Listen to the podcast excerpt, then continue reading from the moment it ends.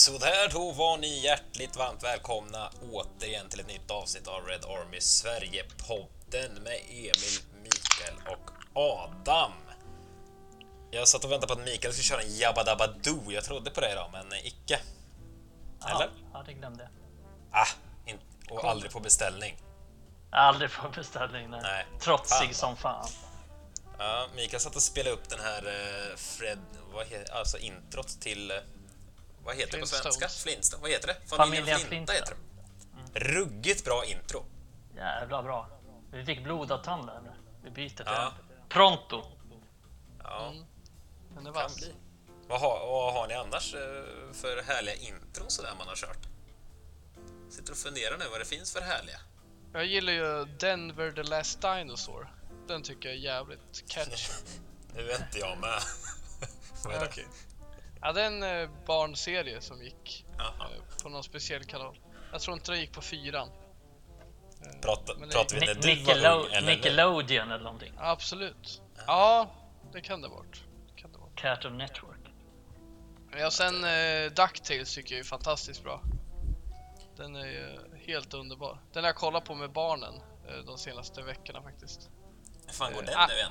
Knattarna alltså, Joakim von Anka. Ja, Knatte, Fnatte och Chatte. Ja. Ja, det är någonting med den. Det är något med gunget i den. Jag minns eh, de tre vännerna och Jerry. Ruggigt gung i den. Ja. Da-na-na. Exakt. Ja, den är- Alltså, Jerry! så jävla konstig serie också.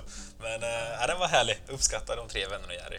Men men, eftersom det är eh, landslagsuppehåll och är så fram till, ja, fram till söndag spelar United nästa match eh, och har inte spelat sen förra helgen blir det väl va?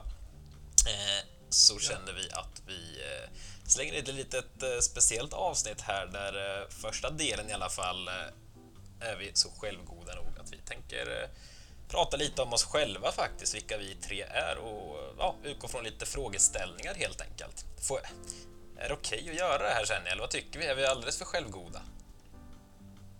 Ja, men det har väl funnits en del eh, funderingar och frågor från folk och sådär och det är väl klart vi ska lätta på det. Exakt. Det kan bli, spän- kan bli spännande.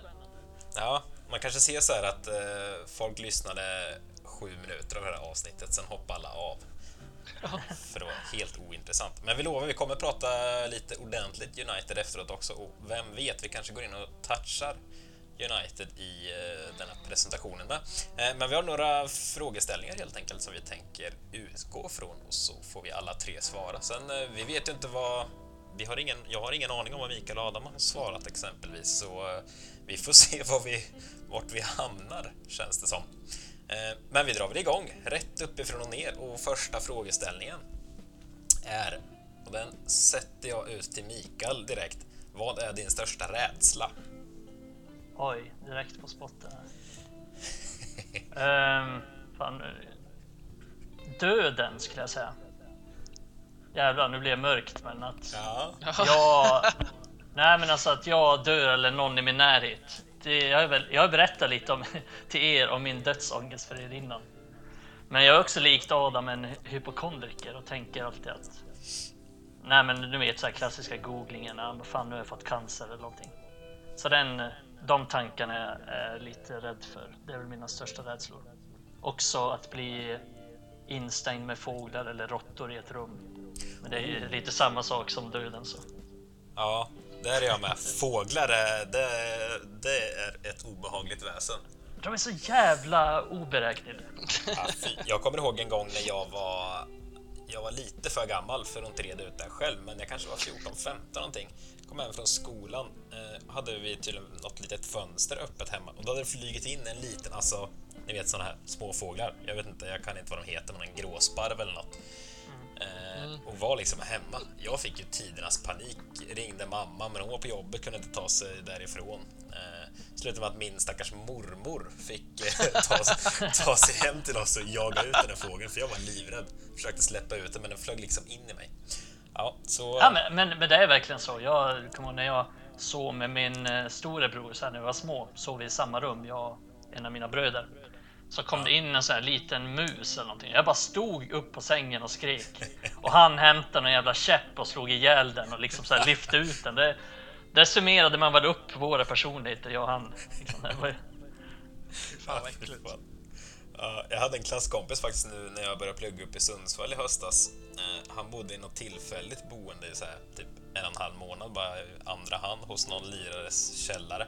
Då hade han en liten mus som liksom, den, den bodde fan in i hans lilla lya där, men eh, han var helt fin med det. jag hade inte sovit en blund alltså. Men eh, Nej, samma. nej. nej, det är olika det där. Men eh, döden på Mikael, vi riktar oss över till Adam då. Vad är din största rädsla? Ja, men alltså... Min största rädsla är ju att det ska hända någonting med någon, några i min familj. Och det är väl såklart, det har blivit värre med åren när man blivit förälder att eh, livet är ju så jävla skört när man, när man har något som eh, är så värdefullt i sin ägo liksom.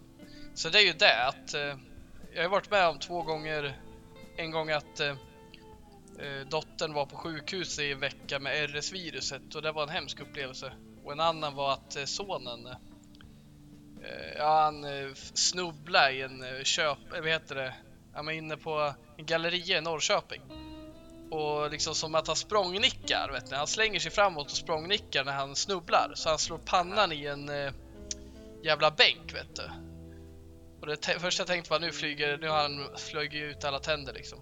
Ja. Men det gick bra och sådär. Men just när de händer, det, det är en känsla där. Så, så det är just när det händer något lite så stort, det, det tär på en liksom. Så det är väl det värsta, ja, det är det jag Jag kan tänka mig det. Det är väl det som är så jävla nackdelen med barn liksom. Den ständiga Ja, absolut. oron kan jag tänka mig. Mm, Ja, den- är lite svår att greppa för en annan som inte har några barn än. Det är Så här. mm.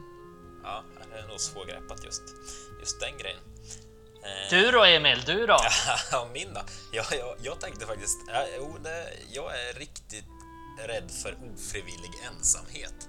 Alltså, jag har inga problem med att vara själv. Jag kan till och med tycka det är skönt i långa stunder. Eh, nu är jag lycklig sambo, men jag kan tycka det är kalasskönt om hon är iväg en dag eller två någon gång. Bara få vara med mig själv.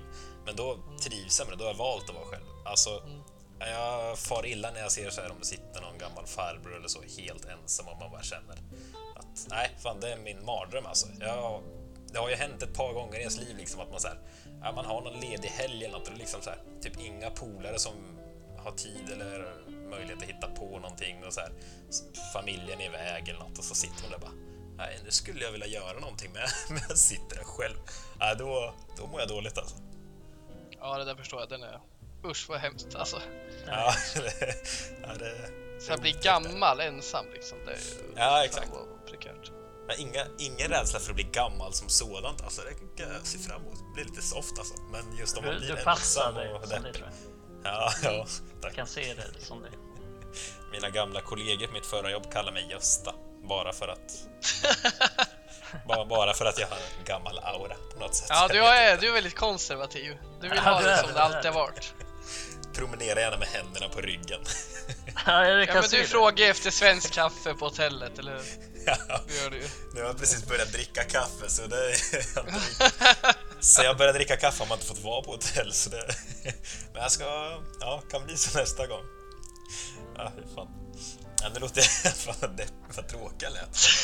Så, så konservativ är jag inte. Det är det fina med dig tycker jag. Ja, exakt. jag ja, men vi går vidare med nästa fråga. Eh, jag, jag tar den bollen direkt då och svarar först. Eh, vad är det lyxigaste du unnar dig? Eh, och det skulle jag säga... eh, det, är, det är väldigt sällan jag unnar mig liksom prylar och så. Jag köper alltså varken teknik eller kläder eller så. Jag är inte så mycket, ja, så mycket för att ha jättefancy. Eh, däremot är jag nog väldigt mycket så här eh, jag unnar mig väldigt mycket när jag är på semester och så. Då är jag så här, att nu är vi på semester, då behöver vi inte springa runt och leta och den restaurangen är en hundring billigare än den, utan då, då är jag på semester, då ska jag unna mig. Likaså med liksom, ja, är jag ute en kväll och är på galej, då, då gör det inget om man eh, betalar för tre öl extra för jag hade en kul kväll. Så det är nog mer sånt jag unnar mig. Kanske inte lyx på så sätt, men eh, det är närmaste lyx jag kan tänka mig att jag unnar mig. Vad eh, har du där Adam? Jag kommer spontant på så här. Men något jag gillar jävligt mycket att käka det är oxfilé, men det är ju fan ingenting man kan käka allt för ofta. Uh, så det, är- det, det är så här grej. Jag gillar alltid att bjuda på mat till, uh, ja men framförallt om kanske i familjen, nära så, när jag väl lagar mat. Typ man gör mycket lasagne och bjuder över så här, tycker jag är kul. Men uh, får man läge det, så kampanj på någon svensk oxfilé, då hugger jag alltid. Och ja men det är väl typ två gånger per år. Men det var det första jag tänkte på med just, med just lyx och, och då ska den göras i ugnen rätt lång tid liksom, lågtempererad. Blir så jävla mört och fint och det det är alltid liksom, alltid älskar att grilla och det gör jag fortfarande men oxfilé ska göras i ugn. Det blir så jävla gott. Men Och det är där någonting med- jag... Mm, Det, det är lite det. lurigt, innan Mikael får svara här nu också, men det är lite lurigt den här frågan för alltså hade jag haft otroligt gott om pengar, då tror jag det blir, alltså det skiftar nog ganska rejält. Alltså för mig är det lyx att åka iväg på en golfweekend på sommaren liksom, för jag tycker det är kul, men det, det är ju pissdyrt rent ut sagt för, för mig som pluggar just nu. Eh, Men liksom om 20-25 år, om jag har rätt gott om pengar, då kanske man åker iväg på 5-6 golfweekends per säsong. Så alltså, det där skiftar lite hur man... eh, Men eh, jag gillar det du säger Adam, det kan fan räcka med oxfilé så det krävs inte mer för att det ska vara lyxigt alltså. Mikael då, vad har du? Ehm, inte så mycket mat faktiskt, för det undrar jag jävligt sällan. Äter jävligt eh, äcklig mat måste jag säga. Så här mycket nudlar och enkla saker, köttbullar. Malmö Eh. kebab. Ja, precis. Det- Det äter jag väl ibland, måste jag medge. Men det skulle jag inte är säga att, att det är någonting lyxigt som jag undrar mig. Nej, okej då. Dels är det det är jävligt billigt och sen är det väl inte min definition av lyx heller. Men eh, om jag skulle svara så är det nog... Det måste nog vara dyra skor framför allt, men också kläder. Jag kan väl inte riktigt motivera alla köp, men jag älskar att shoppa och väldigt intresserad av specifikt skor, skomode. Så det är väl det jag undrar mig. Kul. Skulle jag vilja unna mig mer än vad jag gör tror jag. Ja, eh, Ja, det, det har jag nog börjat gjort mer på senare tid, men det är någonting jag också skulle kunna göra mer. Just kläder. Alltså det, det är kul, men Ja, det är och det är något som har växt på senare tid. Eh, Jag har, jag har inte tyckt det var så jävla viktigt förr. Eh, faktiskt. Eh, såklart man vill ha schyssta kläder, men jag har inte tänkt så mycket. Det har inte varit så genomtänkt. då, Men samma här, det är egentligen de senaste åren jag börjat intressera mig för det. Jag gjorde inte heller det när jag var yngre. Man får en helt annan känsla om sig själv när man kliver ut genom dörren hemma och man liksom har klätt sig på ett sätt. Alltså man får så, sånt självförtroende på något sätt. Eller alltså, förstår du vad jag menar? Det, det blir så här, ah, fan idag, idag är jag på topp. Det, Ja, det gör är det. lite det där med, med kläder alltså. Ja, det gör en Absolut. hel del. Eh, vidare har vi nästa fråga. Vid vilket tillfälle ljuger du? Börjar vi hos eh, Adam. Mm. Mm. Ja, den här eh, frågan tänkte jag spontant att, ja men fan. Alltså jag, jag ljuger inte. Men sen eh, vände det ganska abrupt gjorde det. Jag, eh, Jag då? ja, men jag har väl, ja, men jag har väl en så här.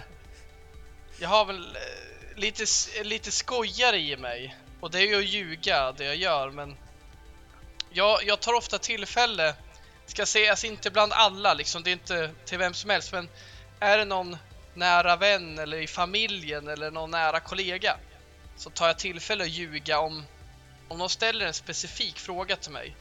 Och det finns mängder av exempel, men jag kan ta ett och det är liksom att Adam, har du numret till pizzerian? Då liksom, då hamnar jag i en slags maktposition. Adam, numret till pizzerian. Jag kan ju fan ge vilket nummer som helst och det är klart jag gör det också. Så, och, och då ger jag ju något annat nummer än till pizzerian. Så ringer de och beställer en calzone hos min granne.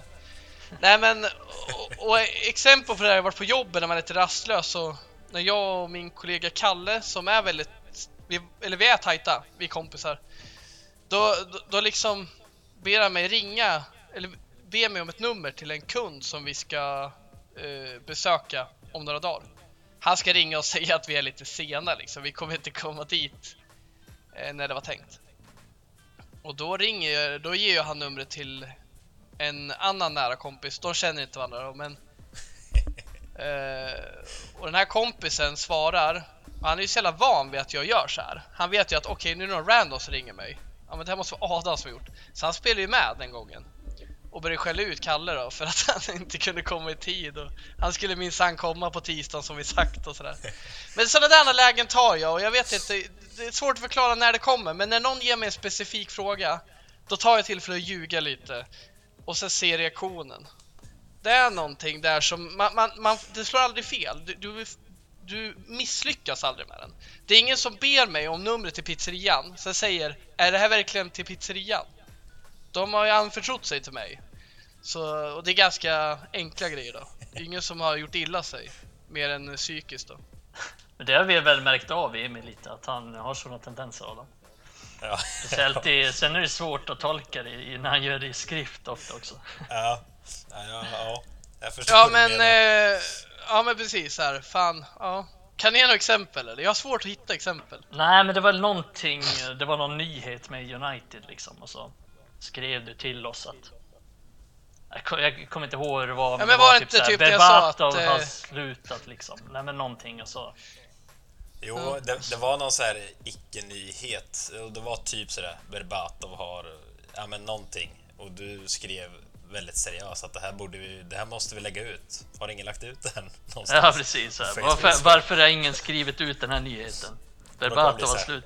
Nej, men någonting sånt. driver du eller driver han inte? Ja, det var exakt. lurigt alltså. Ja, Ja, det jag är ju svårare med ironi i text. Men jag har för mig det var någon gång Ja, med att. Petter, Petter Northug åkte dit för doping. Och så sa jag att, jag Just skulle, det. att han var Det stämmer. United-supporter. Det stämmer. Ja, va? Varför har vi inte skrivit om det? Alla bara va? Det är så svårt men man, alltså så här, hade det varit någon jättenära kompis till mig då hade jag bara Alltså, är du dum i huvudet? Håll käften liksom.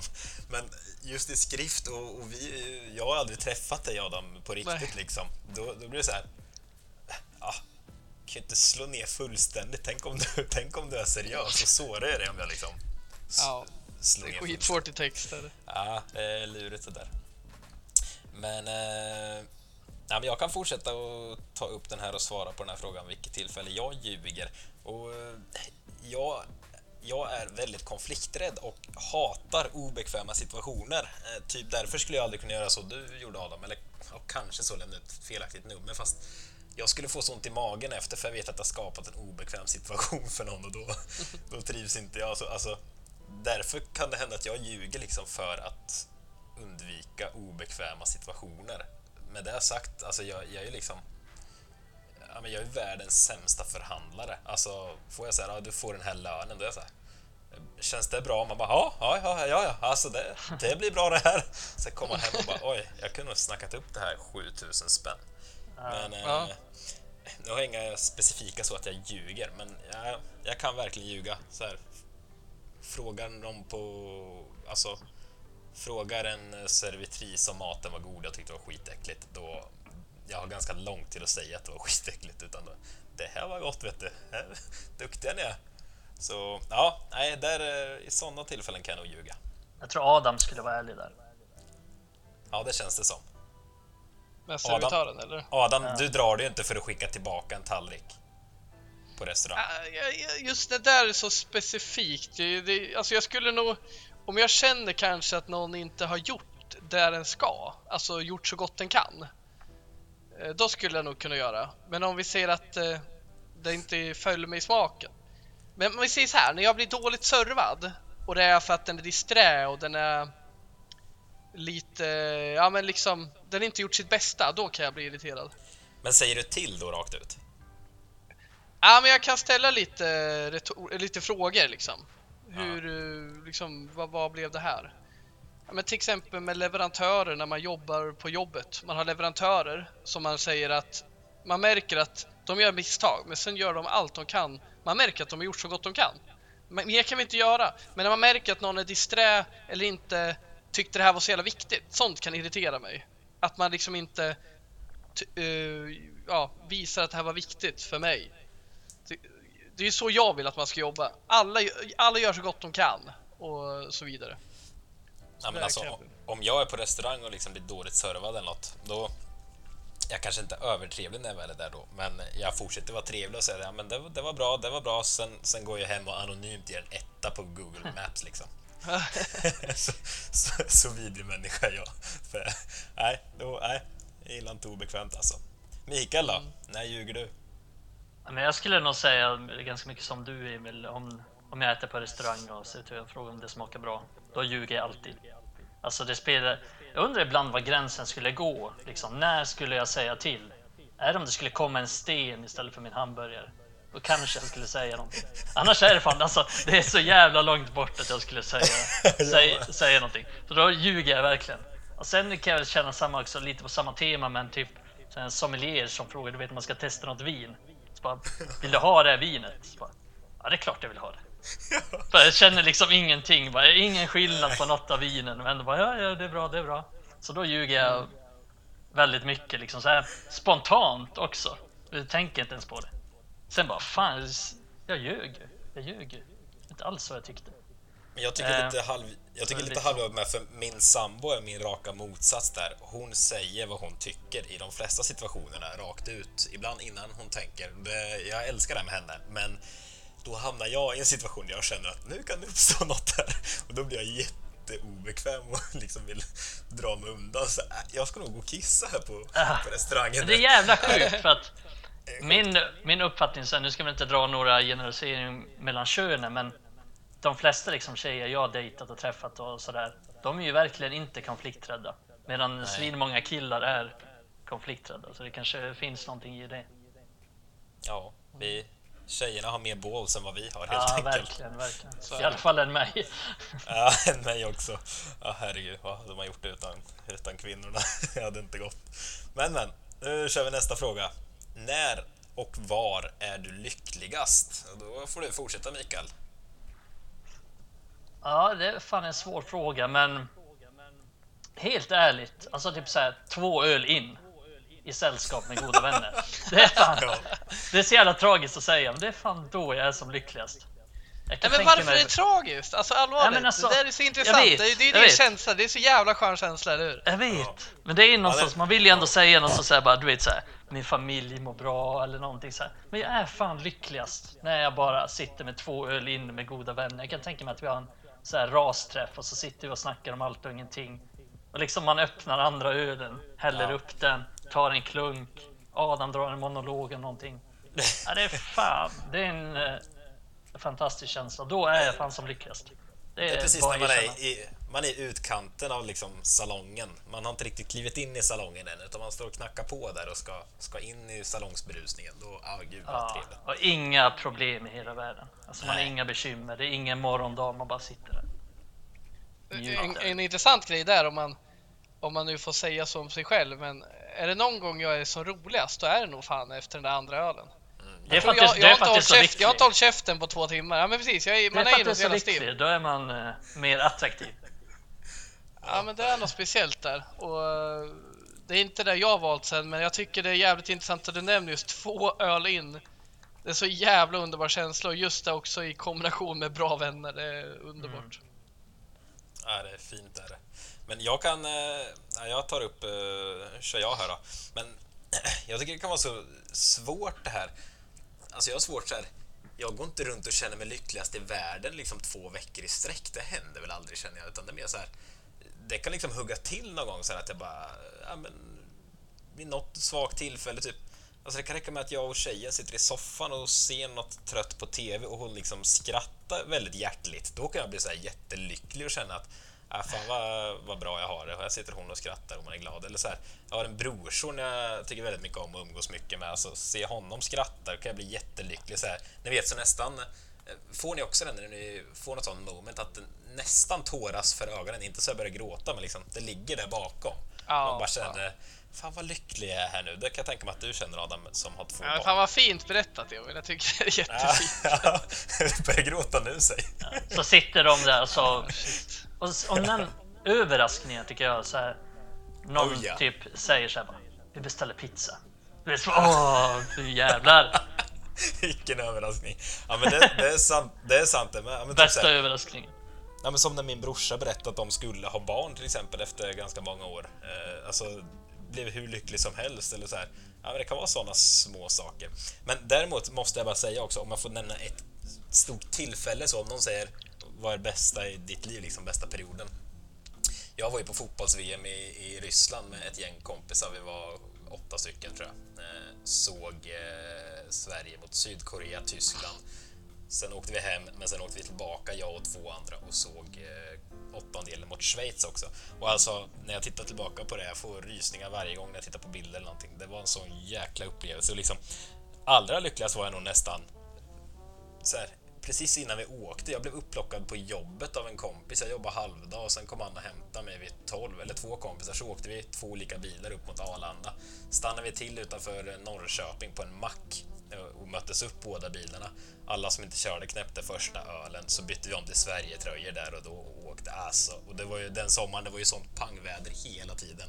Även i Ryssland när det var det. Alltså, det var så...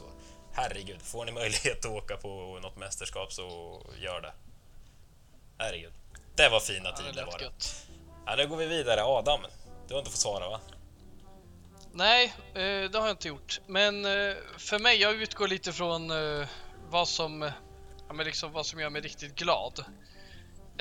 Och då när är jag lyckligast? Men liksom, det är nästan ett tillfälle när jag ser när jag ser folk utvecklas.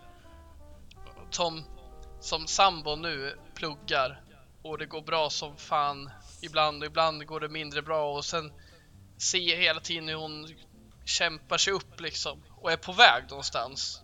Något, något bra. Eller om det är en kollega på jobbet som är ung. Eller kanske junior liksom. Behöver eh, ja, men ha, ha långt framför sig och sen lär sig och ser hur det utvecklas. Ser att den personen blir en, ja, men en man eller en kvinna eller vad man ska säga. Det, för mig det är någonting, jag har haft det ända sedan eh, jag var liten just att man vill bygga någonting och se då människor byggas eller relationer byggas eller vad det är. Framförallt barnen då, se dem utvecklas. Det, det är någonting som gör mig riktigt jävla glad. Eh, jag ser skribenter växa med på Red Army Sverige. Jag tycker det, det ger mig så jävla mycket. Och barnen, det kan ni ju förstå eh, såklart att det, det är jävla häftigt att se dem, ens egna kött och blod, bli någonting och göra bra saker och se att det ger effekt där de tränar på. Det är någonting som jag alltid eh, har, det har alltid känts bra i kroppen för mig. Och sambon, eller vad tänkte jag på? Det du sa om din sambo, det kan jag relatera till Emil. Det här, hennes jävla skratt, det är fan det bästa jag vet. Det är något helt... Eh, ja, då garvar jag när jag hör henne garva. Det är så jävla fint. Ja, det är fint. Fint segment här nu i Red Army Sverige-podden. Men... Så, eh, så här känsliga kommer vi aldrig vara. Nej, exakt. Eh, Men vi brassar vidare med nästa fråga och då får eh, Mikael svara först. Vilken talang skulle du helst vilja ha? Stava till polska namn utan att googla. Nej, Det är fan en talang. nej men... Du fan alltså, det, det är en svår fråga. Tänker typ så här, vara riktigt bra på något instrument eller så tänker jag. Så här, piano är alltid illa. Jag tycker det är mäktigt när någon är jävligt bra på att spela piano. Eh, sen är jag ju så jävla dålig på instrument själv så det är väl mest därför också. Jag hade kunnat säga gitarr men jag stör mig så jävla mycket på gitarrkillar som vill vara festens centrum. Och de behöver verkligen inte mer självförtroende eller bekräftelse. Så jag säger piano. piano.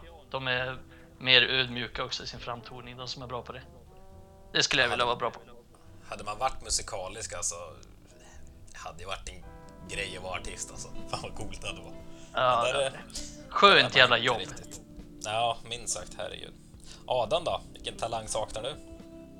Ja, det är jag faktiskt. Eh, jag svarar faktiskt exakt samma som Mikael. Eh, jag har valt. Eh, hade hade jag fått välja hade jag velat spela piano. Det är någonting jag saknar och kunna liksom. Jag, så här, lära sig bli, vara bra på att sjunga, det skulle vara fantastiskt. Men jag tror att kan du spela bra piano. Då kan du även ha lite halvtaskig röst. Det är helt okej. Alltså, det är ändå pianot som är grejen.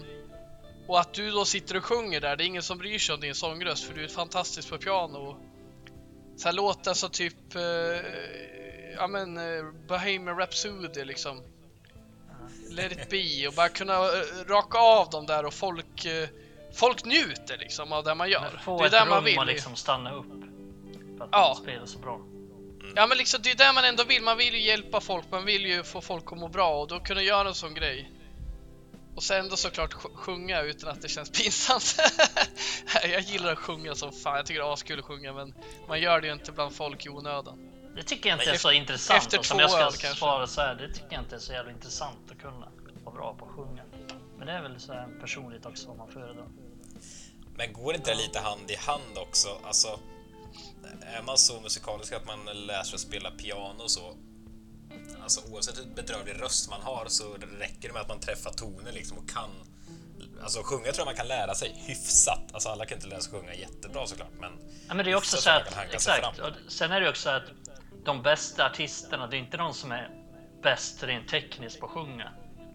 Typ så här Håkan Hellström får alltid skit för att han inte kan sjunga, Ja, men... men- det spelar ingen roll.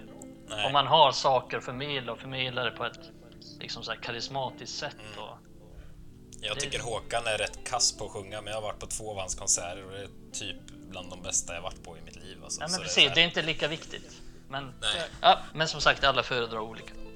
Nej, det är kul. Ja, jag svarar på den här i alla fall, vilken talang jag helst skulle vilja ha. Eh, då svarar jag eh, talangen att kunna fokusera och liksom lägga manken till även fast jag tycker något är tråkigt. Där är jag rätt svag. Det känner jag nu när jag pluggar. Är det någonting, eh, någon kurs som är riktigt tråkig, alltså jag, jag zonar ut. Jag kan inte... Nej, då går det inte. Jag har jättesvårt för det. Det är Det är så fan jag- nyckeln till att bli liksom så bäst på någonting och det är väl det som sållar agnarna från vetet liksom, oavsett vad man gör. Musik som vi nyss nämnde och det är inte så att de föddes med att vara bra på att spela piano utan de tränade ju mest på det. Och det är Ja, samma egentligen med allting man gör så det är, kan jag verkligen då hålla med om. men med musik, då tycker de säkert det, det är kul att lära sig Ja. att spela piano. Alltså, Jag alltså, vet, men så här, om vi tänker, jag förstår vad du menar, men också så här att typ Scott, McTominay, det är inte så att han tyckte att det var svinkul att stanna kvar efter varje träning och köra idioten. Förstår du vad jag menar? Alltså, man gör ja, mycket tråkigt också, men, Ja, men jag förstår Ja, vad du menar såklart. De brinner för fotboll och för musiken, så det är klart att det är roligt. ja. Nej, men där är jag sjukt svag. Jag har pratat i fem år tror jag att jag så skulle vilja lära mig om aktier. Så här. Fan, det vore rätt kul känner jag. Men jag kan absolut ingenting. Och jag tycker det är så otroligt tråkigt att lära mig för jag är egentligen inte intresserad. Men hade jag väl kunnat det så tror jag hade kunnat tycka det var ganska kul. Men eh, så nu sitter jag här. Noll aktieägande kan jag säga.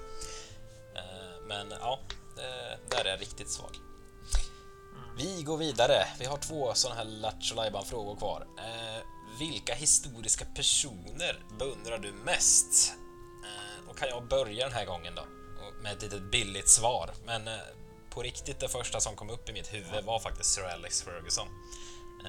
Och inte bara för så här, han vann mycket med United och den, eh, inte den harangen. Utan jag tycker det är sjukt fascinerande att tittar man på några av trupperna som han vann ligan och alla titlar med. Alltså, truppen var inte skitbra alla gånger, men han var så otroligt bra på att få ut det bästa av folk. Det har alltid fascinerat mig. Alltså, fick jag välja en människa och liksom slå mig ner och ta ett glas, eh, en flaska vin med så hade det varit Sir Alex. Alltså, jag tror man kan lära sig sjukt mycket av den eh, människan på något sätt. Så, eh, billigt och svagt svar kanske, men eh, den första som kommer, kommer till mig faktiskt. Det är inte svagt. Jag gillar ändå att du sa så här, så man skulle kunna ta ett glas flaska vin med. Nej, det är väl bra. Jag tänker väl också att så här, nu när du sa innan om drivkraften att där finns det ju någonting som du beundrar i honom. Tänker jag. att Han har ju, för han har ju verkligen den drivkraften som du kanske eftersöker också. Det är ju väl kanske Ja, men att du beundrar honom mer också. Ja, nej, han är ball, kan nog de flesta hålla med om som lyssnar på det här. Får vi tro. Adam då? Ja, eh, nej alltså jag, jag eh, har väl, det är väl många som man eh, sett upp till så här, eh, Sir Alex är en sån, på Scholes är en sån spelare som egentligen gick emot eh, oddsen när han var ung. Var ju inte spikrak för honom. En spelare som John O'Shea som egentligen har en väldigt begränsad talang. Han ska knappt kunna spela i United, men hur han höll sig kvar med, sitt, eh, med sin proffsighet. Eh, det är en sak jag beundrar som fan. Men eh, den jag väljer att nämna i det här fallet är min eh, farsa och eh, hur han har i hela sitt liv eh, jobbat hårt eh, för att lyckas med det han vill göra. Och han eh, hade ju ett e-, eget företag när han var 18 år och hade en affär i 25 år som han drev och det tycker jag är väldigt starkt. Dels för att det är en väldigt lång tid och dels för att det är många som sitter och liksom bara väntar kanske på att någon annan ska sköta utvecklingen och driva saker åt dem. Men jag tycker han alltid han har alltid kämpat och, tillsammans med min mamma eh, för att eh, hålla igång den här verksamheten. Och det är en sån här sak som jag är så glad att jag eh, fått eh, gå, gått vid sidan av. Liksom. En sån person, en driven person med eh, mycket vilja. Det är något jag beundrar. hos honom. Farsan din gjorde ju ett litet kort gästspel i förra avsnittet också. Det ska Jajamän. sägas, för er som inte Den lyssnar numera på. pensionären. Ja, Exakt, det måste. Vältalig var han. Ja, Ja. minst sagt. Ja, det var kul faktiskt. Kan, kan dyka upp igen känner jag, rent spontant. Ja, det kan han nog göra. Si- Sidekick. Ja, exakt. Mm. Eh, Mikael då? Har du för historisk person du beundrar? Ja, jag har ju några stycken, men tyvärr ingen vid liv.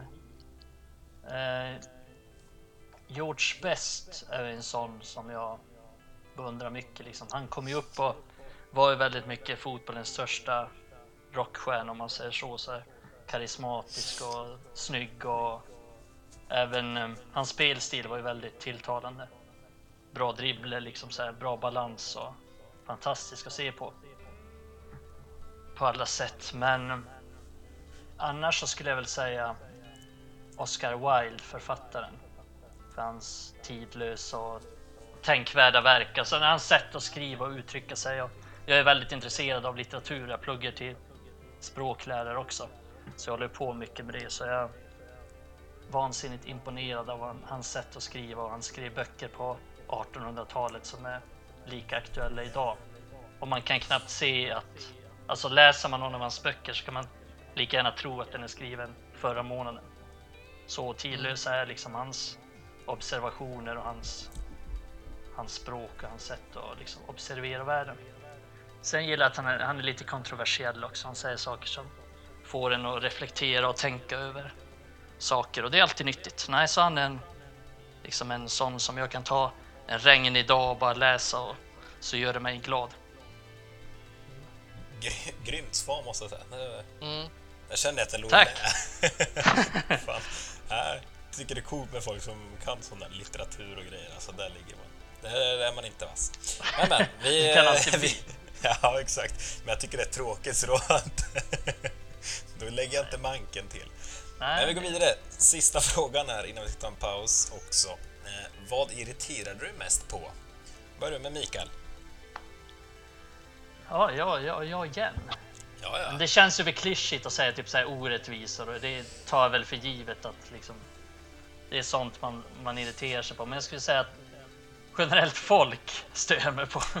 Nej, men så här, framförallt i den typ så här politiska debatten som alltid är helt stensäkra i sina påståenden. Det de säger är rätt och alla andra har fel.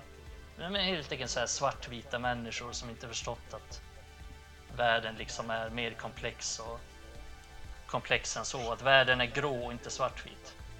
Här är jag med, här är jag med dig rätt mycket. Ja, alltså. det är du. Men ingen människa är liksom ond hela tiden eller god hela tiden. Och jag tycker att det är så många som i den debatten som tror att det är så. Eh, och att man inte förstår det, det stör mig sjukt mycket att folk inte fattar det. Eh, därför är det väl rätt naturligt att jag stör mig på typ så här form av drev också, det vill säga när man drevar mot någonting.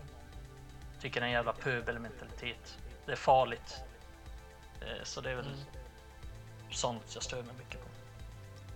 Just nu i alla fall. Imorgon kanske en annan sak. Eh, jag tar vid av vad som irriterar mig mest. Alltså, så här, dels sen negativa människor som bara drar ner stämningen i ett rum stör jag mig enormt mycket på. Eh, Men eh, sen tänker jag ändå, alltså, det kanske sticker ut, men spelförståelse. Och nu menar jag inte fotboll, och dels det också i och för sig. Men eh, alltså i vardagen, folk, människor som inte förstår saker. Alltså spelförståelse, det kan vara i trafiken, det kan vara hur man beter sig, det kan vara vad man säger och inte. Alltså ha lite förståelse, alltså fan, ha lite känsla, lite spelförståelse för här kanske inte jag nu ska, alltså vad vet jag. Ja, ni förstår vad jag menar. Ja, men jag kan fatta, jag kan Folk verkligen känna inte- igen mig i det. Mm. För att det är så Ja. jävla störigt och Ja, det finns folk som är. Så- nej, folk som är så jävla okänsliga liksom bara skriker ut Ja. Om någon som sitter typ bredvid. Bara, Ja, men det, ja, exakt. man vill bara sjunka genom jorden. Bara, Ja, Tänk. dels det, men- men, men det kan vara en så enkel sak som att jag går på ICA också och så är det liksom någon tomte som i en smal gång har släpat med sig sin enorma kundvagn och ställer den rakt över och liksom går därifrån och säger vad, vad, vad gör du? Så här kan du inte göra. Det är, och få mig inte ens att komma in på liksom matvarubutiker för då blir jag jävla lite. Örjan Lax där. Jag blir galen. Speciellt här nu med så här. Ni ska bara gå en och en och handla. Det är inga liksom så här familjer och gå inte och handla i par. Hur många tror ni följer det? Helvete Ja, vad det är inte irriterade många. blir. Dumma Ja. i huvudet är de också. ja, men, ja, spelförståelse på folk alltså. Spelförståelse. Herregud. Nu tänker jag att vi lämnar till Adam sist här, för vi brukar skoja lite på podden att han blir irriterad. Så jag hoppas att du har svarat på Mino Raiola här, men... Eh, Nej, alltså jag tänker vara bredare än så. Eh, nej, men det som irriterar mig mest... Hans familj. Ja. Hela jävla fo- befolkningen liksom. Nej, men det som irriterar mig mest av allt, absolut mest som kan göra mig så förbannat jävla irriterad, det är att det är folk som är avundsjuka och visar missunnsamhet. När folk säger så här till någon liksom bara Fan vad han, fan han har ny bil liksom. Helvete vad jobbigt det är för mig nu. Fan! Han tjänar mycket pengar den där jäveln och eh, det är någon annan, den har haft sån jävla tur.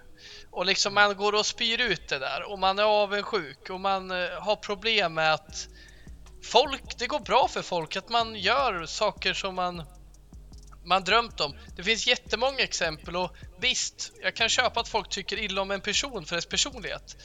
Men att det går bra för liksom, då är jag mer så här, fan. Alltså jag, jag har känt avundsjuka, precis som er och alla gör. Men då är jag hellre fram och klappar den liksom på axeln, bara fan bra jobbat. Jag, önskar, jag kan till och med säga till folk, fan jag önskar att jag var där. Men att gå och pissa på någon för dens verk och det den har gjort, det den har jobbat hårt för kanske. Eller någon person som haft tur, vunnit på Lotto. Jag hatar det. Det är det absolut värsta jag vet och det förstör människor. Avundsjuka förstör människor. Så det är någon sån här grej som jag... Sjukt osexig egenskap att ha. Ja, det- Ja, Det, det är Den är så jävla jobbig att ha också. Alltså när man väl har känt det, för jag tror alla har ju känt det någon gång. Alltså, det är så jävla jobbigt att vara den personen och ha de känslorna. Alltså man måste ju bara, man måste ju bara släppa det och fokusera på sig själv. För de känslorna Mm. kommer ju till alla någon gång och det, är- fan, det är så jävla farligt om man hamnar i träsket av missunnsamhet och liksom bara fokusera på det. Det, det tar ju död på en inifrån långsamt. Så det är... Exakt. precis. Det är ju precis det. Framförallt en själv. Man fuckar för sig själv när man går och fokuserar på fel saker. Men Det är lite som att slå, slå i en vägg. Liksom. Det är, väggen får inte ont, det är bara din hand som får ont. Är, Bra liknelse. exempel. Jag tycker den får eh, avsluta vår lilla, vår lilla presentation av oss själva här. Får vi se hur många som orkat lyssna ända hit. Men eh, hoppas ni känner att ni har lite mer koll på vilka vi tre är som sitter här varje vecka och tjatar om United. Vi ska... eh, Förstå om det här är första avsnittet man lyssnar på. Fan vad kul! United-podd! Vad fan Adam? Vadå missunnsamhet? Fel dumheter. ja, men eh, vi ska ta en liten paus nu i alla fall. Sen, eh, ska vi, sen brassar vi vidare andra halvlek och då, då blir det snack om United. Jag lovar.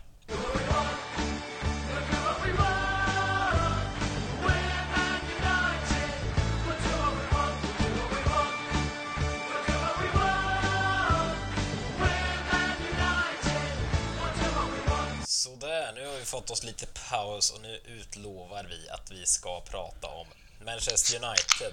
Anledningen till varför ni lyssnar på den här podden, gissar vi.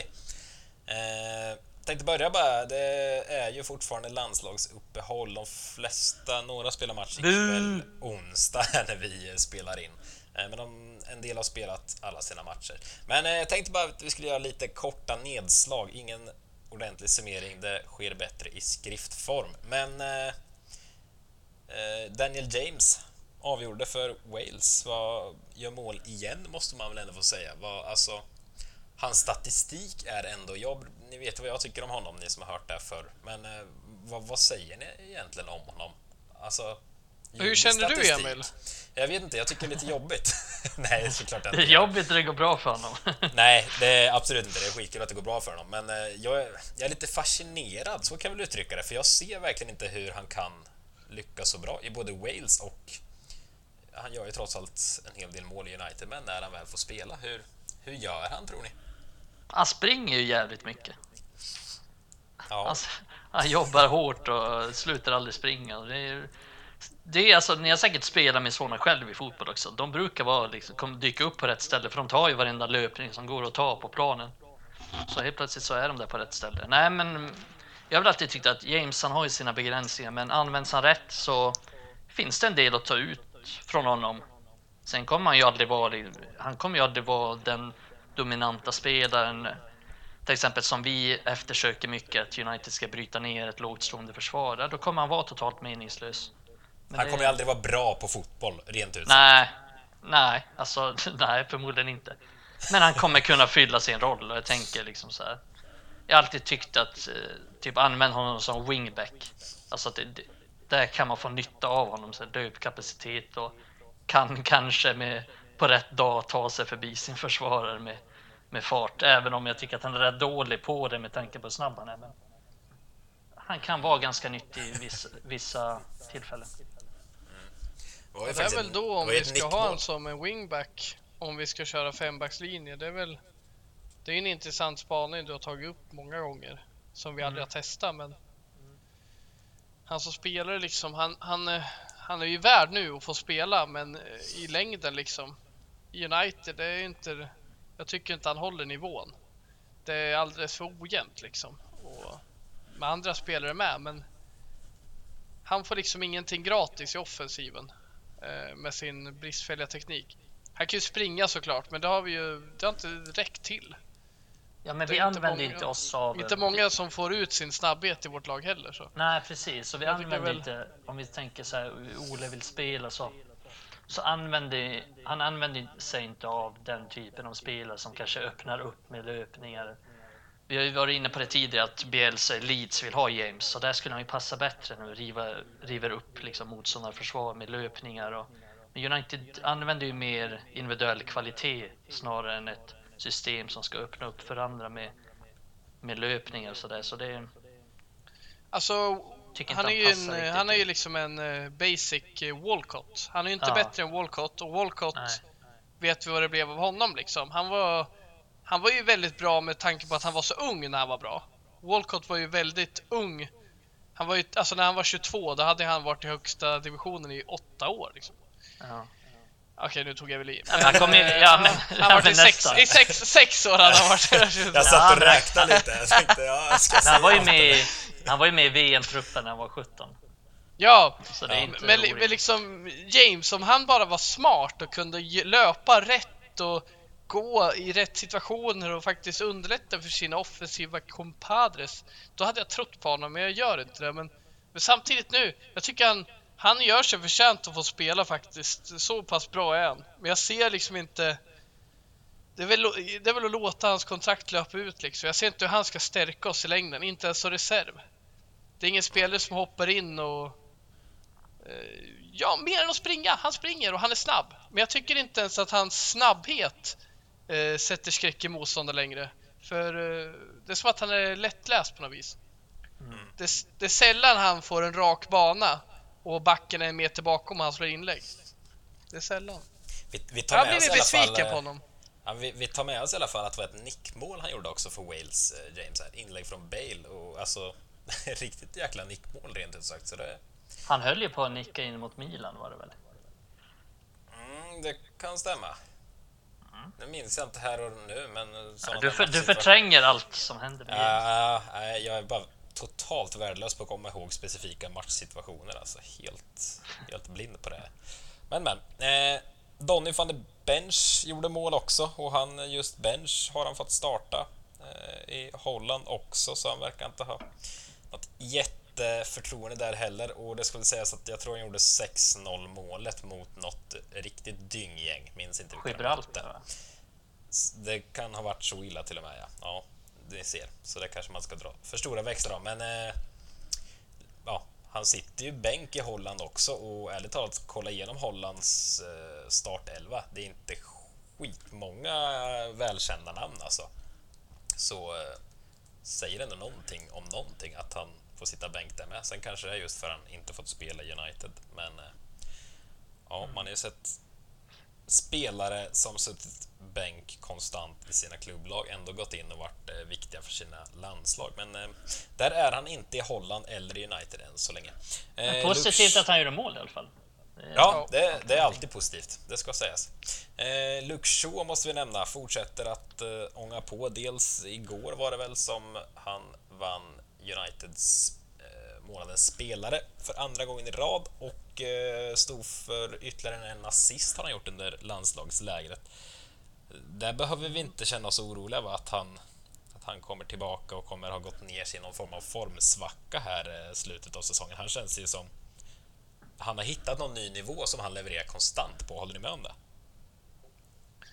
Jo, men han... Eh, jag är inte orolig för hans spel. Jag tycker han har varit väldigt eh, stadig. Och när vi har varit dåliga så är ofta han ändå bra.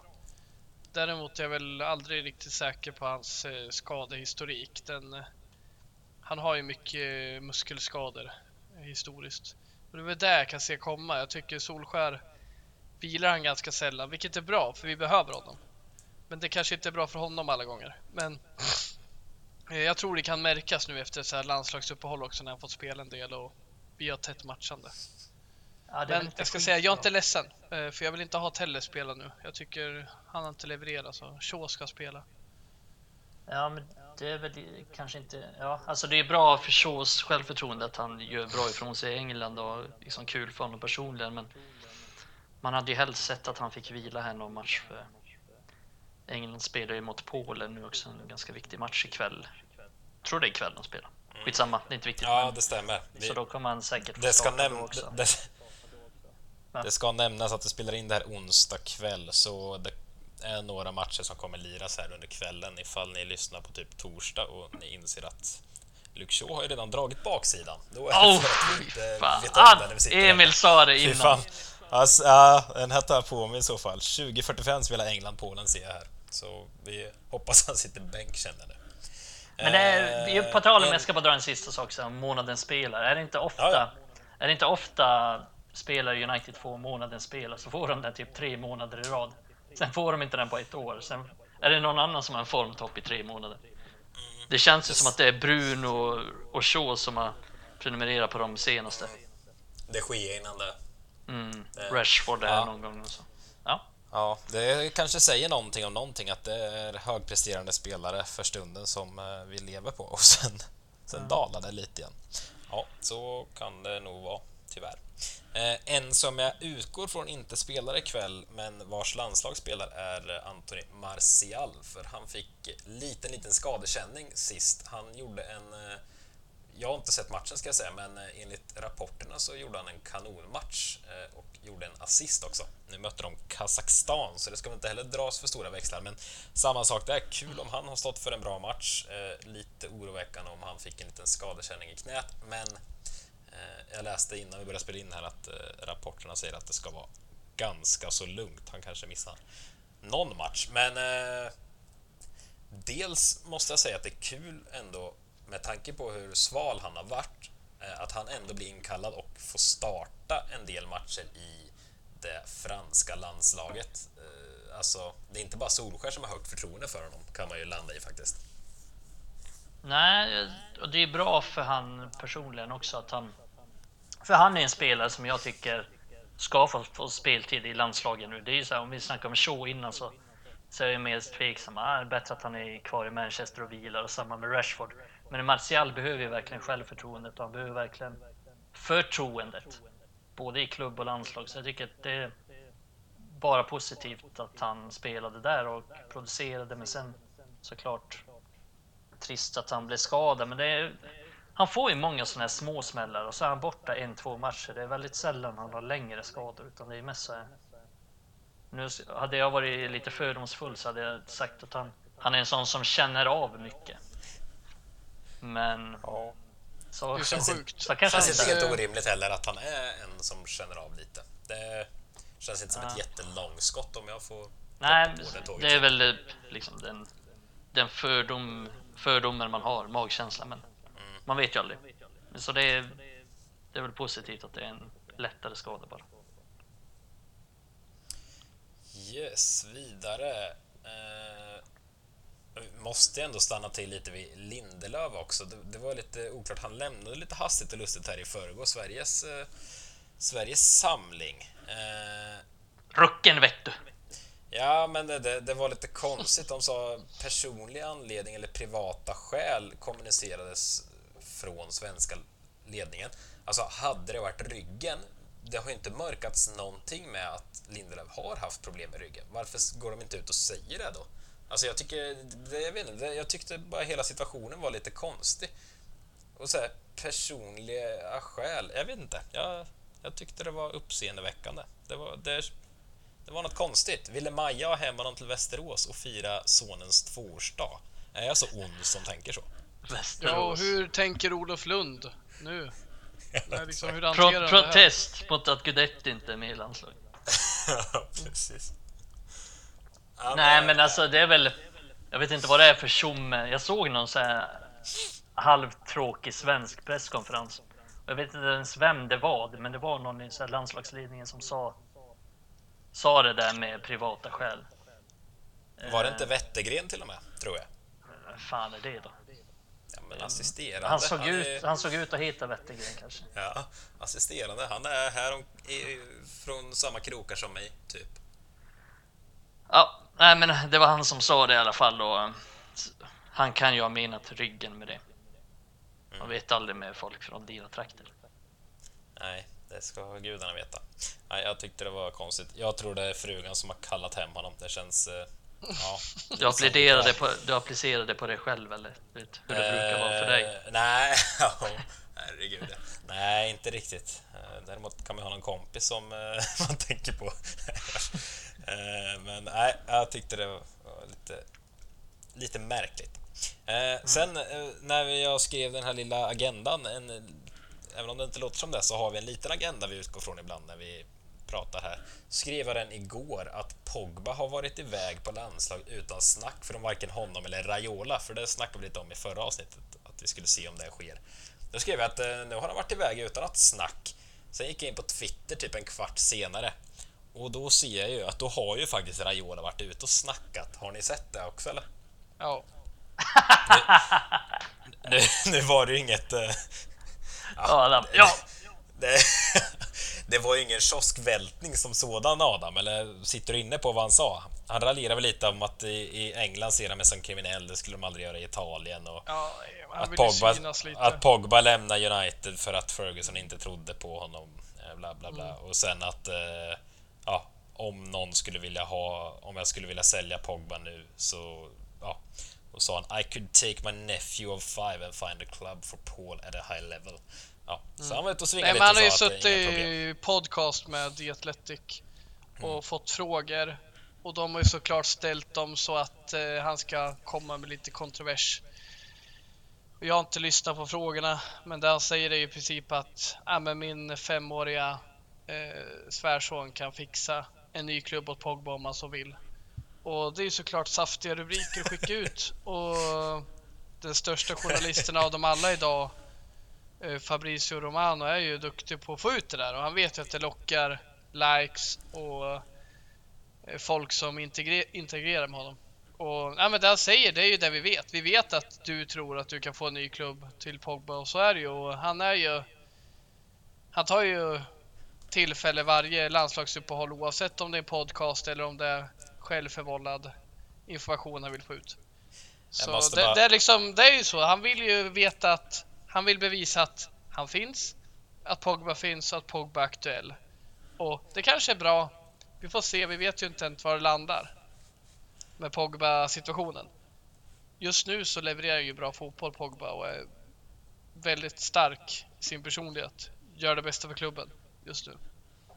får be om ursäkt att jag skrattade där i början, men när du sa, när du översatte min femåriga svärson. Svårt att tro Ja. att han har en femårig svärson, va? En Ja, brorson nej. blir det väl? Ja, brorsan, ja precis. Nej men det är jävla svärson och brorson och svärfar och det är så jävla rörigt med allt vad som är vad. Jag orkar inte ens tänka på det. Hur hade det blivit om man hade en femårig svärson? Då hade med andra ord hans dotter varit ihop med en femåring, eller? Han Det hade ju varit skönt om han slapp på, eh, Raiola, men han kom ju fram varje... In i finkan med honom, jävlar. Ja, Jag usch. förstår inte att det bara var jag som tyckte det var kul att han hade en femårig svärson. Jag tyckte det var orimligt kul. Eh, Visst, visst kan man se Raiola i fängelse. Han åker dit för Ja. jävla ekobrott. Med en liten sån här jävla ful hatt. Svart och vit. Ja, ja jävlar. Skaka galler som man säger. Yes.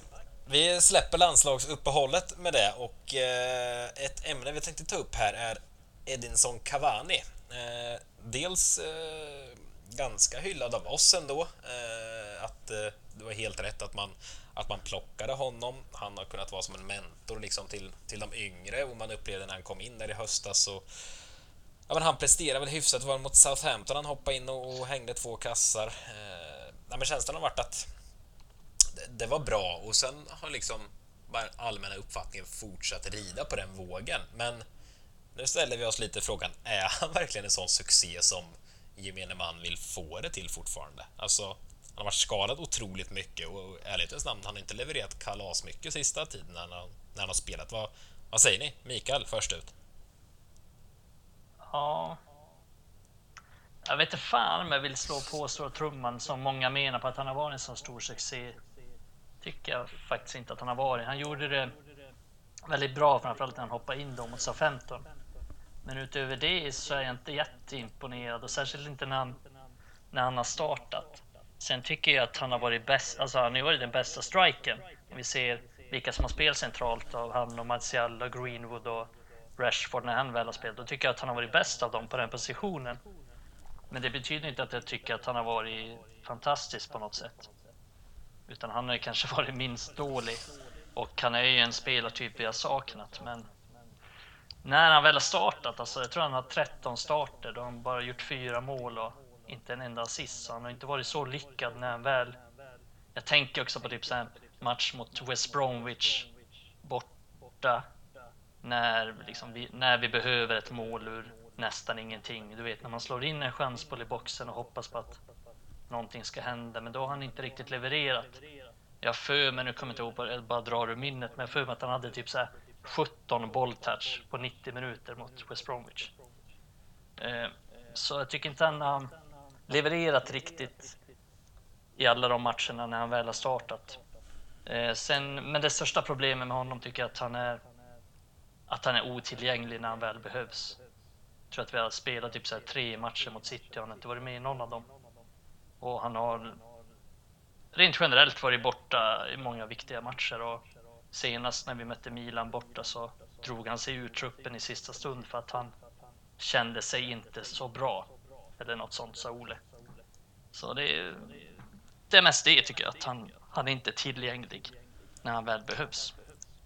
Han har missat 21 matcher den här säsongen. Är det så? Fy fan. Eh, Jag tycker väl att eh, han har gett oss jävligt mycket. Jag tycker väl det var rätt att ta in honom. Men jag är besviken över vad vi fått ut av eh, investeringen. Eh, noll kronor investerade innan han kom in, men han har varit ganska dyr i drift. Ja, verkligen. Och det är verkligen. ju väldigt många spelare dyra i drift i den här klubben. Men jag tycker väl att man kanske skulle ha satsat pengarna på något långsiktigt istället. Eh, Men, men det är ju lätt att säga. Vi har fått ut mycket av honom. Jag tror, jag vill tro att han har lärt ut en hel del till våra spelare. Att det blivit som en erfarenhet för många av de här unga som jag anser inte haft så många att se upp till egentligen eh, på senare år. Sen Rooney och Zlatan drog. Jag tänker då på Martial och Rashford. Greenwood har inte haft någon att se upp till så jag tror Cavani var eh, viktig för honom. En bra, men, bra eh, punkt tycker jag. Ja, jag, jag, jag tänker att man skulle fått ut mer av honom. Den spelare vi värvar för 210 000 eh, pund i veckan för att eh, få målgaranti. Det är inte för att han ska hoppa in då och då. Alltså, Solskjaer ville ju att han skulle spela hela tiden om det var så. Det hade, Ja, för- för det har ju funnits- Han vill ju ha honom på plan, men han har ju Ja. hoppat ut och in av olika anledningar hela tiden. Nej precis, och vi har inte fått någon kontinuitet där på strikerpositionen. För man hade ju hoppats att när Martial är dålig, ja men då ska Cavani leverera. Och sen, äh, som jag sa innan, han har ju han har ju levererat stundtals, till exempel mot SA-15. Det är mest när han hoppar in tycker jag som han har varit, gjort skillnad. Och det är förstås bra, men lite besviken över hans spel när han har startat matcher faktiskt. Ja, jag var imponerad i början för jag tyckte han inledde väldigt bra och då tänkte jag men det här kan fan bli 15 mål den här Mm. säsongen. Men vi är ju inte nära där nu. Han har gjort sju mål va? på den här säsongen och sen har han inte spelat, alltså det är som, det är som du säger Adam, han har missat 21 matcher men det är ändå sju mål och vi är i april. Det är inte så imponerande. Ja, jag, jag instämmer mycket i det Adam sa där. Alltså, det är liksom lite mjuka värden man får ta in i det här också. Alltså om Greenwood går ut om tre år och säger liksom Säg att han då utvecklats och levererar konstant. Att han, om han då går ut och säger att ah, men den säsongen är Cavani var i truppen och, och alltså han lärde mig så mycket och bla bla bla. Alltså, då är det fortfarande värt det om ni förstår vad jag menar. Även om man inte fått ut 15-20 mål i år av honom. Så, Ja, det är långt ifrån den sämsta investeringen som United har gjort. Ja, det- På så sätt så är det inte någon ska vi- katastrof. Men det är väl som, som Adam sa efter en, efter en bra start han hade så hade man kanske förväntat sig lite mer. Lite, lite sisådär på slutet faktiskt. Likt hela laget. Och det ska gudarna veta. Det, vi har ju suttit här och sagt att Martial inte levererar. Rashford levererar inte riktigt. Greenwood levererar inte riktigt. Ja, det är kanske inte så jävla lätt för Cavani att komma in och leverera heller. Så han, är klar, han har gjort okej, men tycker inte att han har varit fantastisk på något sätt. Och han ska inte vara kvar i klubben i nästa säsong. Vad sa Det är du? bara att skeppa. Det är bara att skeppa. Det är ingen idé att ha kvar honom i, säsong, i klubben nästa säsong. Mm. Nej, jag Eh, håller med. Satsa på något ordentligt eh, Han var ju-. Exakt, han var ju skadad mycket redan i PSG och man fick ju Nu känslan ser vi ju att, att varför han, de inte fick spela så mycket. Ja, exakt. Och man fick ju lite känslan att han hade gett upp sin Europa-karriär. Och så kom United då. Och nu förstår man lite PSG där, varför de inte ville satsa så mycket på honom. Det är mycket skada då. Kan vara någonting med det engelska tempot också. Att det, det är liksom tufft matchande och det, varje match är extremt tuff. Så det är, jag tror att han, han lider mycket av det. Jag tror inte han pallar fysiskt. Ändå är han vår klart bästa värvning som vi har gjort eh, inför den här säsongen. Lite intressant. Åh fy fan. Eh. Ja det är han nog. Mörkt, mörkt. Ja, det... herregud. Eh, vi ska gå vidare till en till punkt har vi här. Nicky Butt eh, valde ju att lämna här i, i ja, vad blir det? Slutet av förra veckan var det väl det de nyheterna kom. Eh, det verkar som att han inte drog jämnt med ledningen. Vad, vad, se, vad utläser vi ur det här? Vad, vad betyder det framförallt kanske? Det känns inget bra, tycker jag. Jag tycker det känns jätteskumt. Han har ju varit ändå ett ljus i en ganska mörk tunnel när vi snackar om Manchester United-klubben. Eh, och att han inte skulle trivas liksom, det känns ju som, som jag ser i alla fall, positivt av honom i klubben och då negativt att han drar. Det får nästan så att den här omorganisationen gör, jag får nästan en liten dålig eftersmak nu på det. Ja. Utan att ha jättemycket fakta. Alltså jag ska säga det, jag vet ingenting av vad det faktiskt betyder. Det kanske blir bättre än det var innan. Men jag tror inte det. Och det verkar ju som han och John Murtagh inte har kommit så väl överens enligt rapporter då. Och då känner jag väl att är det den killen som man vill ha i den rollen? Nej, jag vet inte. Men det känns tråkigt. Han har gjort så jävla mycket bra för ungdomsakademin. Mm. det känns Och inget bra. Precis, och sen är det ju så också att han någonstans ville väl han ha den rollen också. Han ville väl, han har väl också ambitioner liksom att klättra i hierarkin och sen kommer ju Fletcher från ingenstans och får en ganska, eh, alltså liksom en, en större roll än Nicke Butt och det var väl mycket det som han satte sig emot, som jag har läst in i det hela. Liksom, jag, ska, jag sitter inte heller på någon fakta liksom, eller insyn, så här, men hur jag har tolkat det, det är ju att han kom inte så bra överens med Murtog, nej. Men han kunde väl acceptera Murtog, liksom att de... Han gjorde sitt och Murtog gjorde sitt. Men när han skulle liksom vara underordnad Murtog och rapportera till honom, nej, då, då kunde han inte acceptera det. Och plus att han, liksom, han ville ha han ville ha den rollen. Och, och då var han väl inte nöjd och då lämnade han helt enkelt. Så det, är, nej men det, det är trist. Det är som han har Illa. väldigt mycket. Va? Ja, Illa! Illa! jag mår illa.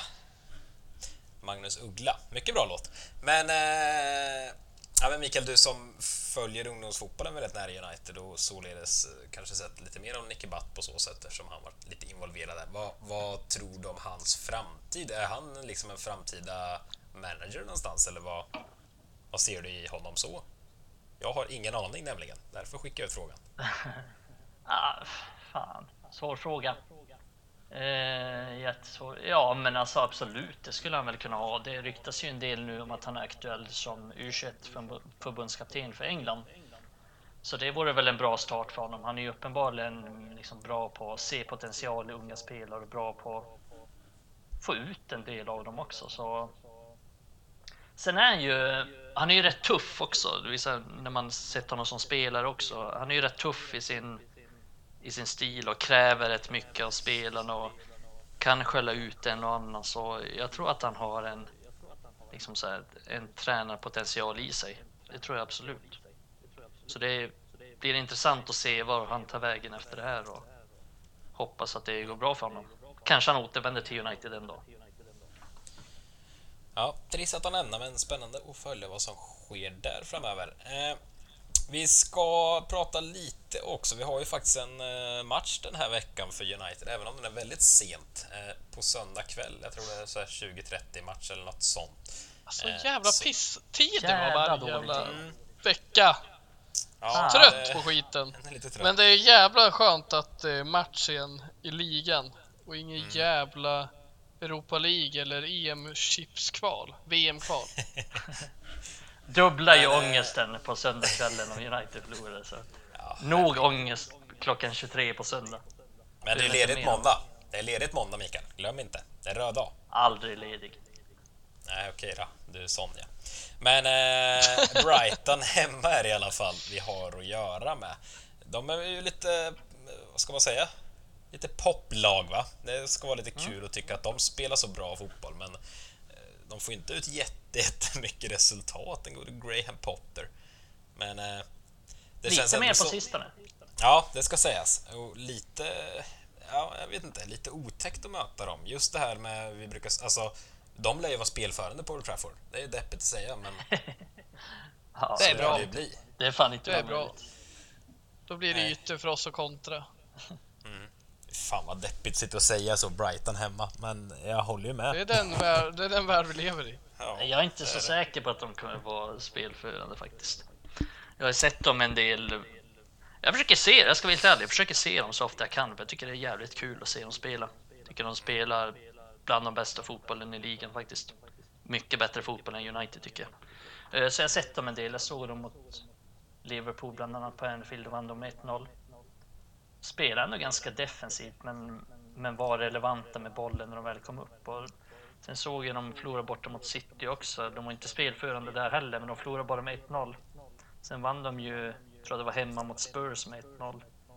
Så de har ju spelat defensivt ganska mycket bättre för när United har mött Brighton tidigare och även den här säsongen på bortaplan så har de ju varit lite skakiga bakåt men, men nu upplever jag att de har liksom spelat mycket bättre försvarsspel och det kan man ju se. De har ju bara släppt in åtta mål på de 12 senaste matcherna och då har de ju mött Liverpool och City och Spurs och Leicester tror jag också. De har mött bra lag men de har inte släppt in så mycket mål på sistone så jag är lite spänd på hur den här matchbilden kommer se ut. För tidigare har vi kunnat se att Brighton har kunnat trilla lite boll, men då har United kontrat sönder dem och liksom dödat dem på omställningen och Rashford har varit briljant i den typen av matcher. Men inte lika säker på att United kommer få så mycket ytor den här gången. Men vi får se. Ja, det blir intressant att se den matchen, det håller jag med om.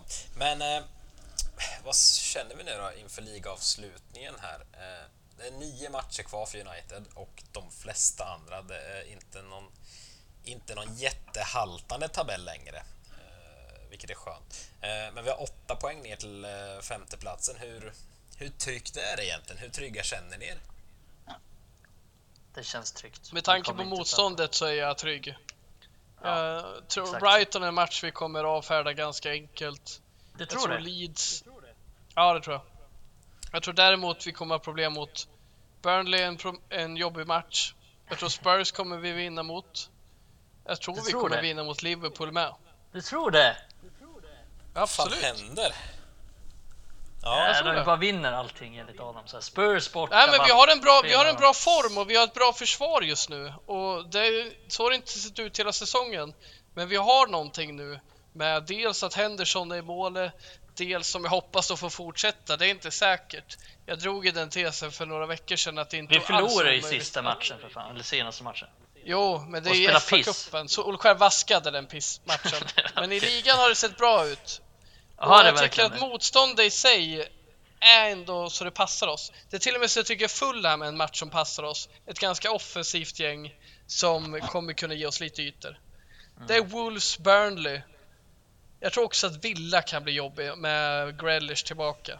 Ja, Leicester kan också bli en kryssmatch. Men jag är inte orolig för Liverpool, Spurs, Brighton, Leeds. Leeds kommer vi köra över. Är Rashford tillbaka kommer vi köra över Leeds. Alltså de spelar så pass offensiv fotboll och öppnar upp för oss. Brighton med. Jag tror Brighton kommer kanske inte köra fullt ös framåt, men de har så mycket boll att det kommer bli tillfälle för oss att vinna boll med Fred, med eh, det pressspel vi också har visat på sistone. Inte Ja, men om vi- om vi Leicester, men jag ser tycker vi har sett positiva delar. Ja, men om vi ser Brightons matcher mot City och Liverpool, är, de har inte släppt in någonting i princip. Varför tror du att Nej, de skulle för Tottenham och släppa in... Liverpool har varit ur form också när de har mött dem. Ja, är men liksom- City det är inga de inte världsklass- heller, de har inte heller liksom sopa banan av Brighton med målrika matcher och Leicester tror jag vann med 2-1.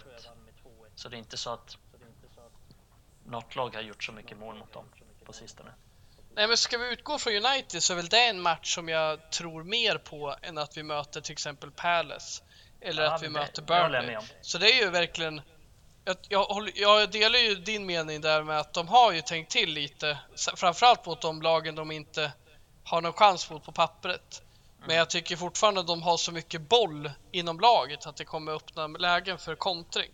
Sen har de gjort det bra i de här matcherna. Men jag tycker typ som Tottenham Liverpool, det är imponerande. Det är starka segrar. Men det är mot lag som vart i brygga då. Ja, absolut.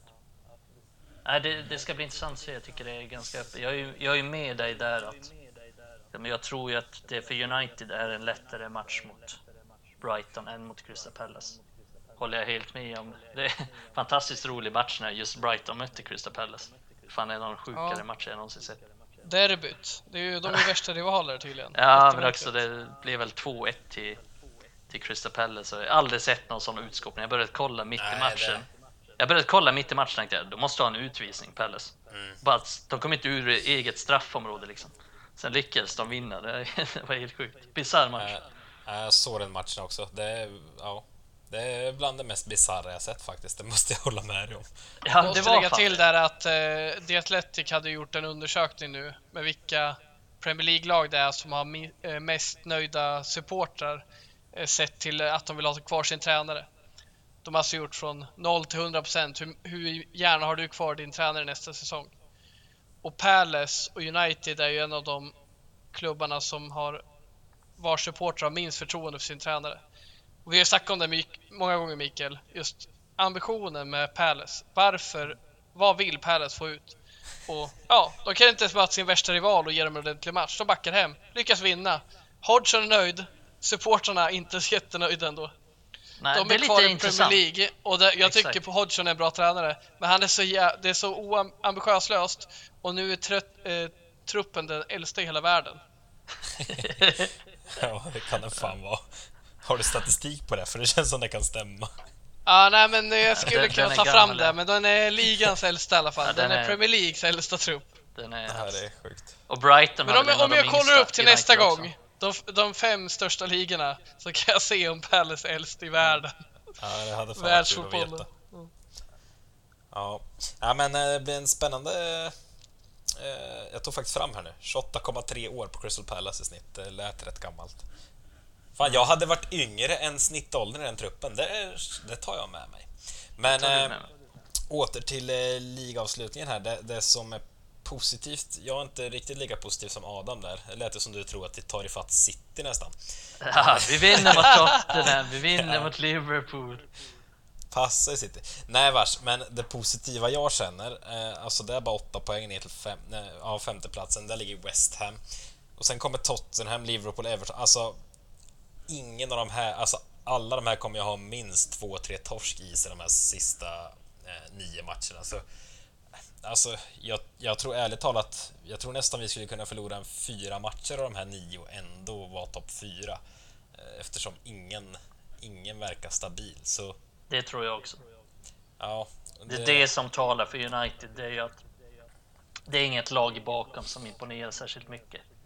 Eh, och det är så många lag som ska om och liksom Chelsea ska ju om också. Jag är helt jävla hundra på att vi gör en makalös avslutning och att vi kommer sitta och vara så sura på att vi inte tog det. Sen kommer vi vara skitbesvikna i höst. Som det Ja, vi kommer sitta och gräma oss över Sheffield United-förlusten. Och... Den är så Absolut. sjuk den förlusten. Absolut, vi har haft det i våra egna händer. Men att ja, jag är helt hundra på de här matcherna. Det är, det är matcher vi brukar göra starka. Många av dem som är kvar i slutet. Ja, Tottenham är lite osäker på för de är, så, de är så svängiga och de spelar inte fotboll som passar oss. Men Nej, de, är de är svaga i grunden. Jo, det är de ju, men det är också... Ofta åker United till Spurs och vinner. Tyvärr ja. inte så ofta. Det är spännande att se avslutningen här i alla fall med start Brighton söndag. Och nu eh, är det inget landslagsuppehåll förrän eh, säsongen är slut. För då, är det fotbolls-EM sen, så vi... Eh, det tar vi då. Så nu är det liga och kupper in i mål. Enda kuppen vi har kvar är ju för sig Europa League mot Granada. Visst heter de så? Granada? Jo, jag tror det. Sexy. Granada, Granada! Granada, si senor. Eh, så det får vi följa upp också. Det kommer Fan vad spännande match! Ja, det tycker jag. Kolla, det här Adam är svår. Var han sarkastisk eller inte nu? Mikael? Ja, exakt. Här får vi exakt. Ja, nu känner lite... jag Adam så bra, så nu vet jag att han var sarkastisk. Ja, men jag, jag tror ingen av, ingen av lyssnarna snappar upp det. Nej, och jag blev lite obekväm. Så därför funderar jag på att ljuga här. Nej, nu har vi blivit, börjat bli långrandiga här igen. Eh, ni som har lyssnat ända hit ska ha en eloge. Ja, det ska ni fan ha. Nobelpriset. Jajamensan. Nästa gång eh, blir det ett mer normalt avsnitt, ska vi väl säga. Eh, tror vi i alla fall, vad vi vet. Eh, mm. Nu ser vi fram emot Brighton på söndag helt enkelt, så tänker jag gå och kolla sista 30 minuterna av Sverige-Estland här nu med. Se hur spännande det kan tänkas vara. Eh, vi hörs eh, nästa vecka igen. Ha det gott allihopa! Hej hej!